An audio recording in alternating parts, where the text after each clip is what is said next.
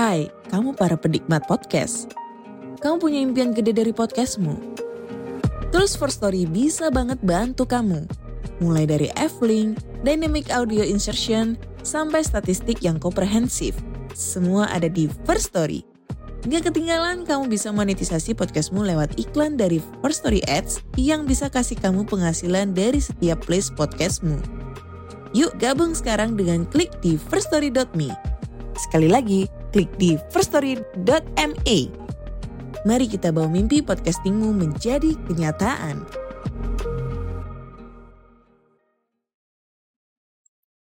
Ketika Ismail lahir, kecemburuan Sarah semakin membesar. Hingga suatu ketika Sarah bilang jika dirinya tidak mau serumah lagi dengan Hajar.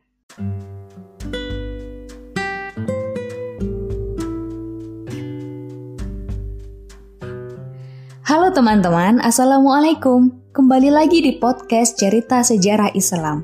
Pada episode 9 ini saya akan membawakan cerita yang berjudul Kelahiran Ismail dan Kecemburuan Sarah yang Makin Besar. Yuk kita mulai ceritanya.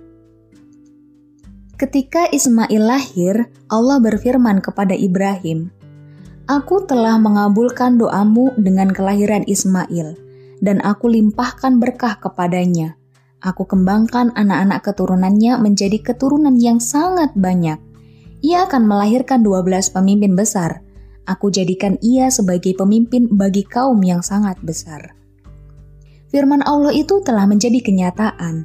Saat ini, Nabi Ibrahim merupakan seorang tokoh penting dan berpengaruh dari setidaknya tiga agama, yaitu Kristen, Yahudi, dan Islam.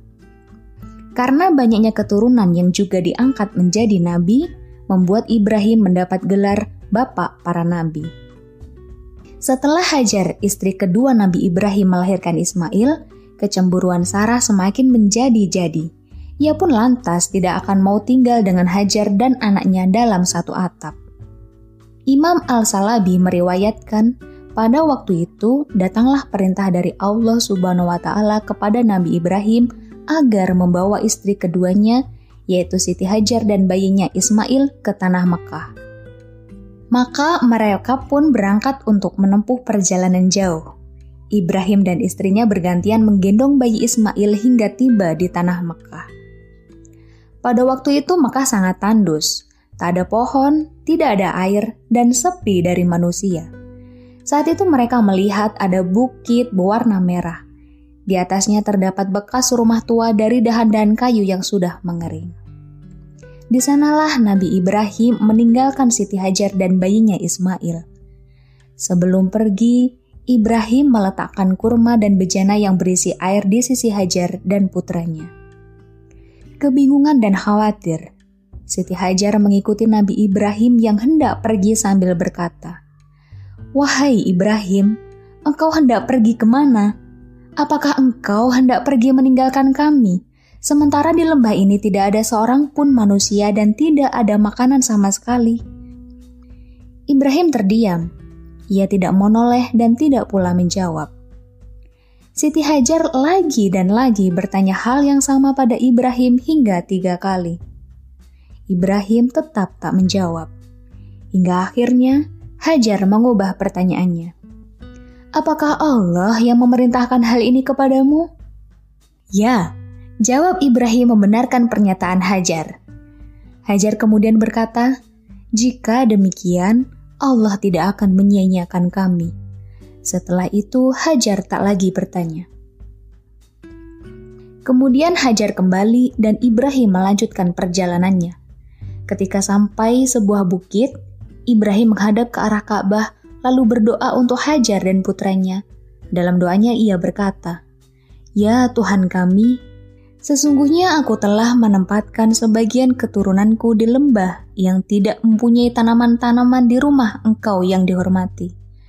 Ya Tuhan kami, yang demikian itu agar mereka mendirikan sholat, maka jadikanlah hati sebagian manusia cenderung kepada mereka, dan beri rezekilah mereka dari buah-buahan Mudah-mudahan mereka bersyukur. Doa Nabi Ibrahim ini tertuang dalam Quran Surat Ibrahim ayat 37.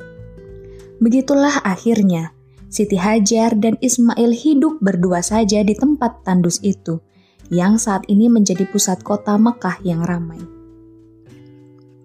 Teman-teman, pada episode ini kita belajar dari ketegaran dan kepatuhan Hajar kepada Allah.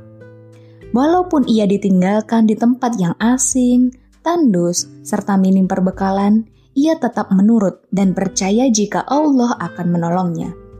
Di tengah kondisi yang sulit, Hajar tetap dapat berprasangka baik pada suaminya dan Allah. Padahal ya, kalau dipikir-pikir, dalam kondisi seperti itu, kecil kemungkinannya mereka akan selamat. Apalagi Ismail masih bayi, masih rentan terserang penyakit. Kira-kira bagaimana ya nasib Hajar dan Ismail di padang tandus itu? Kisahnya akan kami bahas di episode 10 yang berjudul Ketegaran Hajar dan Keluarnya Air Zam-Zam. Jangan lupa disimak ya. Sekian, wassalamualaikum warahmatullahi wabarakatuh.